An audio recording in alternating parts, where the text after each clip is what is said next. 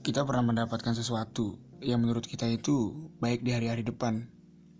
Kita selalu merencanakan hidup agar bisa bahagia. Bahagia dalam materi atau dalam batin. Terkadang kita juga selalu menuntut yang terbaik yang menjadikan diri kita begitu ambisius.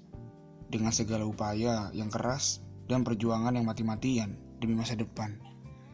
Seperti saya, waktu itu sangat mengincar sekolah negeri yang bagus untuk saya bimbang kadang menghampiri, bingung dan takut. Takut jika gagal, takut jika tak diterima. Dan pada saat itu saya meminta solusi kepada orang tua, yaitu ayah dan ibu. Jawabannya ringan. Intinya itu, semua urusan Tuhan, tugasmu hanya berjuang. Dan kamu gak perlu cemas, pasti kamu akan dapat yang terbaik. Mendengar kata-kata itu, saya lebih menjadi tenang. Akan tetapi, satu target pasti menyimpan kegelisahan. Dan benar saja, lagi-lagi rasa takut itu datang. Yang di mana hari itu ujian untuk masuk atau tidaknya. Saya ke sekolah negeri tersebut, takdir berkata lain. Diri saya yang sudah berjuang tak membuahkan hasil.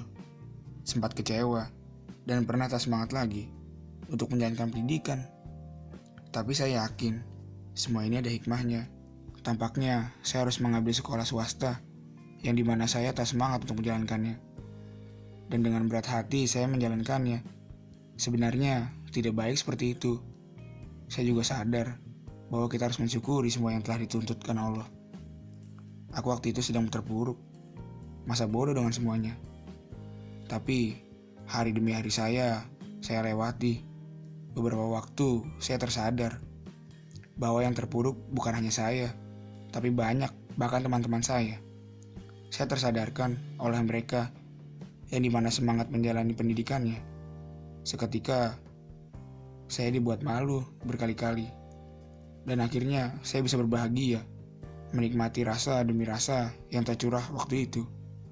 Kalau saya tidak masuk sekolah swasta ini, mungkin saya tak akan bisa mengerti arti bersyukur dan arti menjalani sesuatu yang berat dirasakan. Dan kini saya mulai menulis beberapa hal dalam hidup saya yang saya tuangkan ke dalam kertas putih.